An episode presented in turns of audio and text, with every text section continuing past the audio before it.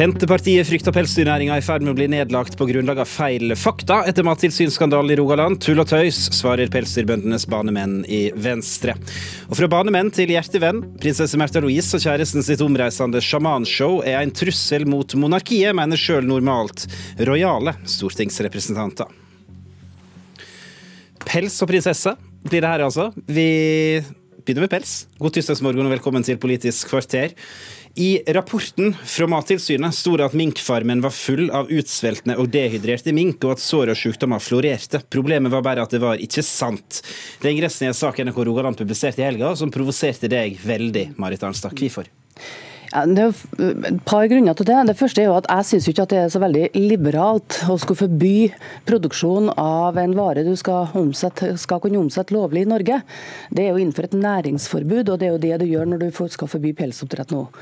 Eh, men da må jo også grunnlaget for det du forbyr, det må jo være urimelig godt. Og Derfor ble jeg veldig bekymra når du får en rapport fra Mattilsynet som eh, som er falsk antagelig, og som nå også blir under politietterforskning. Vi har god dyrevelferd i Norge, og vi har høy tillit til Mattilsynet. Men når sånne rapporter dukker opp, så mener jeg det er grunnlag for at du bør granske eh, de øvrige rapportene til Mattilsynet, og se om det her er sånn at det er et sviktende grunnlag for en del av de avgjørelsene det har tatt. Men Du mistenker at det finnes mange sånne falske rapporter? da, at Mattilsynet har blitt jeg mistenker, jeg mistenker ingenting, men jeg blir usikker på hva som er på en måte det reelle eh, beslutningsgrunnlaget. For det er jo ikke noe tvil om at Mattilsynets rapporter har spilt en rolle, også i diskusjonen omkring denne næringa. Rotevatn, hvis pelsdyrbøndene kunne, så ville de vel selv sett både deg og partiet ditt i, i bur fra før. Men endrer denne avsløringa noe som helst for, for dere, dere i Venstre sin del? Det er i hvert fall en veldig alvorlig avsløring, og det har jo også landbruksminister Bollestad sagt. og Hun har jo kalt inn Mattilsynet på teppet for å forklare til hva som har skjedd. Men jeg vil ikke si at dette som har blitt avslørt her er en alvorlig pelsdyrpolitisk sak. Det er en alvorlig forvaltningssak. Fordi eh, hvorvidt Mattilsynet inspiserer en pelsdyrgard eller et mjølkebruk eller et gatekjøkken, så skal du uansett stole på at det Mattilsynet skriver er korrekt. Men det er jo ikke slik at denne ene upubliserte rapporten er grunnlaget for at stortingsflertallet nå har sagt at vi skal avvikle pelsdyrnæringen i Norge. Det grunnlaget ligger i mange tiår med forskning, mange tiår med tusenvis av rapporter. Og ikke minst også, tror jeg, etter hvert en etisk erkjennelse, som iallfall vi i Venstre har kommet til for en god stund siden, og som nå flertallet er blitt enige med å si, nemlig at det å ha ville dyr i små bur er ikke forenlig med god dyrevelferd. Det er noe en bør gå vekk ifra, og det skal Norge nå heldigvis gå vekk ifra. For Det er vel ikke vanlig forvaltningspraksis du legger opp til nå hvis ei enkeltsak, altså ett enkelteksempel, skal stoppe et lenge varsla nasjonalt forbud? Nei, altså Det kan godt være at det er forskjellige hensyn som ligger til grunn for det pelsdyrforbudet som nå blir vedtatt. Altså Jeg registrerer at statsministeren også har kalt det en slags morgengave til Venstre. At det var det som på en måte var pelsdyrforbudet. Eh, så det kan være ulike hensyn. Eh, og jeg er for så vidt enig med Rotevatn i at dette er forvaltningsmessig en ganske alvorlig sak.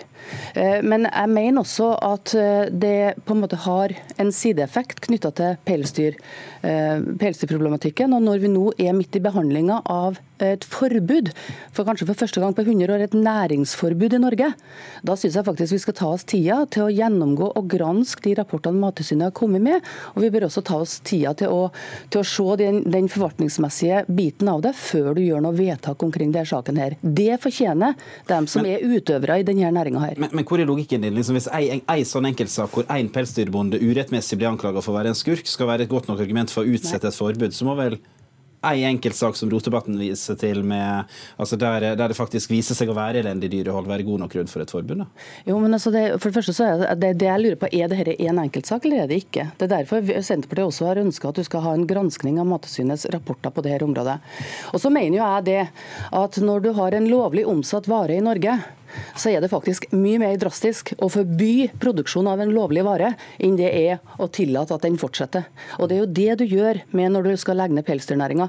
Du sier det at pels skal kunne omsettes i Norge, det skal kunne eh, produseres i utlandet. Vi skal kunne eksportere eh, pelsdyrfôr, altså fôr til pelsdyrnæringa i utlandet, men vi skal forby produksjon hjemme her. Og Det er så grunnleggende inngripen i næringsutøvelse at jeg syns faktisk at det er eh, langt mer inngripende enn det motsatte. Og Nettopp derfor så har det også tatt mange år etter at en kom til den konklusjonen. Altså Allerede i 2003 så varsla landbruksminister Lars Bonheim at nå har den næringa ti år på seg til å rydde opp, og hvis ikke, så kommer det et forbud. Nå har en sagt i den nåværende regjeringa at fra 2025 Det var vel inngått et forlik Ja, bare et år det. før forbudet? Ja, derfor hadde jo Senterpartiet inn i regjering i mellomtida, ikke sant? som jo har en, en helt grenseløs tålmodighet med disse minkene og revene som står i bitte små bur. Men nå har vi sagt at fra 2025, altså 22 år etter at en regjering først varsla at et forbud kan komme, så skal det komme et forbud. Og det er klart at det tar tid, fordi Jeg er helt enig med Marit Arnstad at dette er inngripende. Men når Veterinærinstituttet, når Veterinærforeningen, når Rådet for dyreetikk alle sier at det å ha ville dyr i små bur ikke er forenlig med god dyrevelferd, så bør også Senterpartiet etter hvert klare å lytte til Unnskyld det. meg, men dette var en veldig alternativ historiebeskrivelse. Det er klart at I januar 2017 så inngikk et flertall i Stortinget, eh, Senterpartiet, KrF, Høyre og Frp, en, en avtale om en utvikling av pelsdyrnæringa i stedet for en avvikling. Og Et år etterpå så får altså Venstre en slags morgengave av de andre partiene i regjering. Det er en sterk uforutsigbarhet for hele næringa.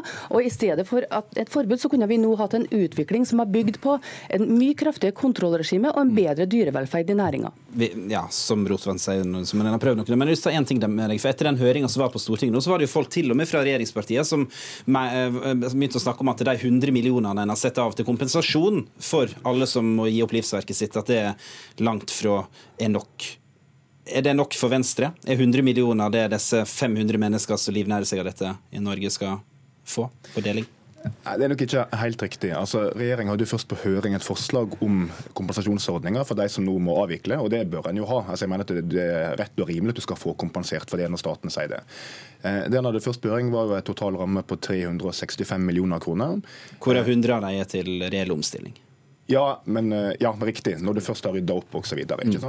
Og så uh, fikk han en del tilbakemeldinger på høringa, som gjorde at han justerte det opp en god del, fra 365 til 500 millioner kroner, som nå er ramma som regjeringa har foreslått. Og Det er ramme regjeringa mener er rimelig i utgangspunktet. Men jeg registrerer at det foregår en diskusjon på Stortinget nå, i komiteen, om hvorvidt en skal øke opp den eller ikke. og Det er jo selvfølgelig Stortingets privilegium å gjøre det. Jeg syns det er rett og rimelig at en skal få en, en anstendig kompensasjon når staten gjør den typen vedtak, men vedtaket er riktig. og det at du går vekk fra å holde ville dyr i bur i Norge, det tror jeg er en klok beslutning. Og så skal vi finne en god ordning for de som nå skal ut av den næringa, de 167 som gjenstår.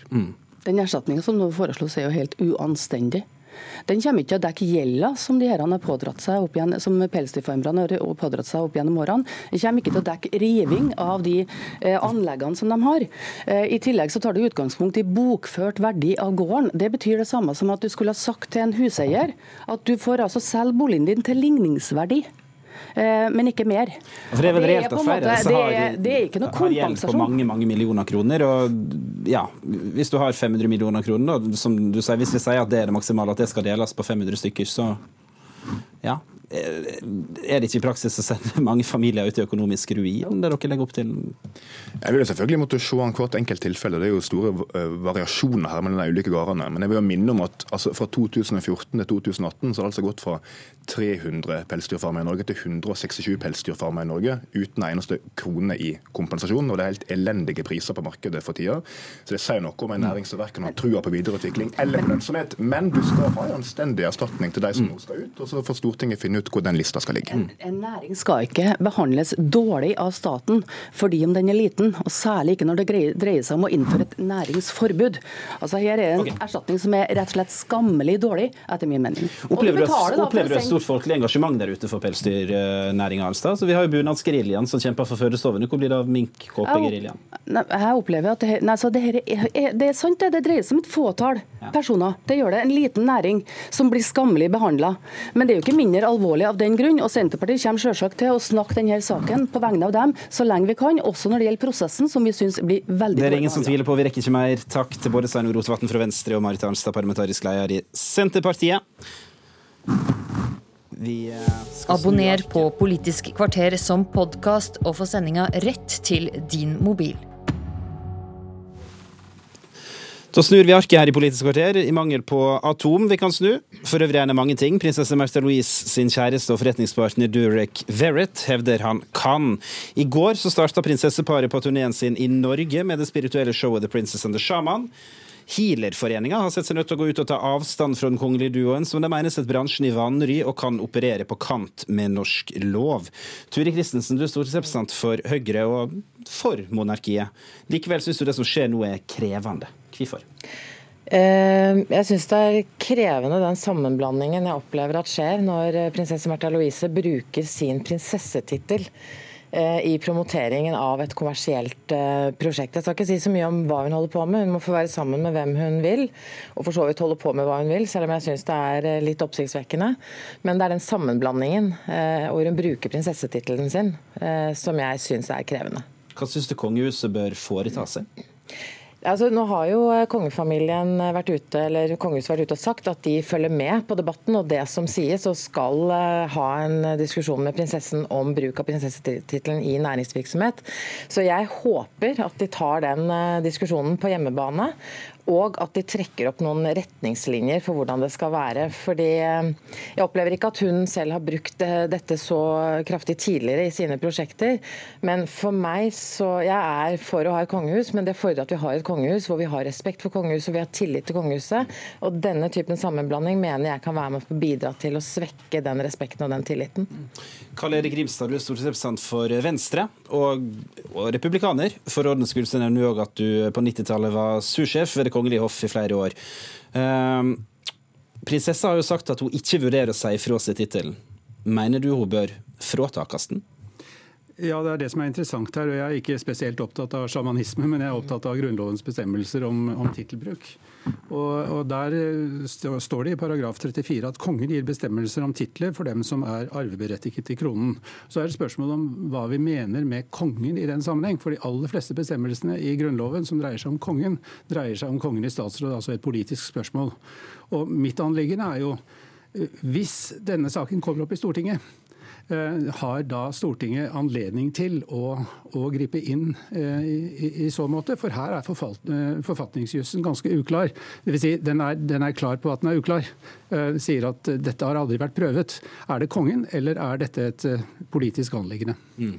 Betyr, betyr, dette at du, du, du, er åpen for tanken på at Stortinget må se på om de kan fråta Märtha Louise tittelen sin? Altså jeg, jeg, hvis denne saken kommer opp i Stortinget, jeg kommer ikke til å fremme den, eh, men, men skulle den komme opp i Stortinget, eh, så vil jeg finne det veldig vanskelig å gå imot at, eh, at Stortinget sier ja til at den tittelen bør, bør fjernes. Fordi jeg kan ikke stemme for et vedtak som begrenser Stortingets anliggende, eller begrenser Stortingets myndighet, hvis det er en strid mellom hvem som bestemmer, kongen eller Stortinget. Men du vil ikke fremme et sånt forslag sjøl?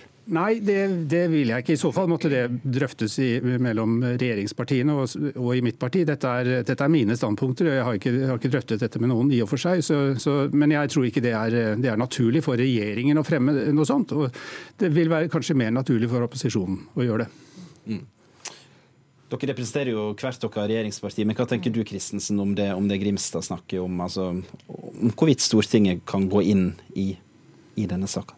Altså, så vidt jeg har forstått, Nå er ikke jeg jurist heller, men det at det ikke står kongen i statsråd i den paragrafen i, i, i Grunnloven, betyr at det er kongen selv. Eh, som i en del andre Det er sedvane at det er det det er. Eh, og I tillegg så Altså jeg opplever at vi har en veldig klok konge. Vi har eh, fram til nå i hvert fall, og forhåpentligvis i fremtiden, et kongehus vi har tillit til. Og jeg mener at dette er noe som kongen selv også i fremtiden bør eh, kunne få avgjøre. Men det er da viktig at de tar noen grep. For det, det, Dette handler jo ikke bare om det prinsesse Märtha Louise gjør nå. Det handler jo også om noen ting som har skjedd bakover, som f.eks. åpenhet om økonomi som da kronprinsparet fikk en ferie på en luksusyacht, men ikke ville fortelle hvem som hadde betalt den ferien. Så jeg tror ikke kongehuset er tjent med eller har godt av eh, flere sånne type saker. Eh, men jeg har også tiltro til at kongen kan håndtere dette. Nå, nå, nå står det jo ikke kongen i statsråd i noen eh, sammenheng i Grunnloven, det står kongen.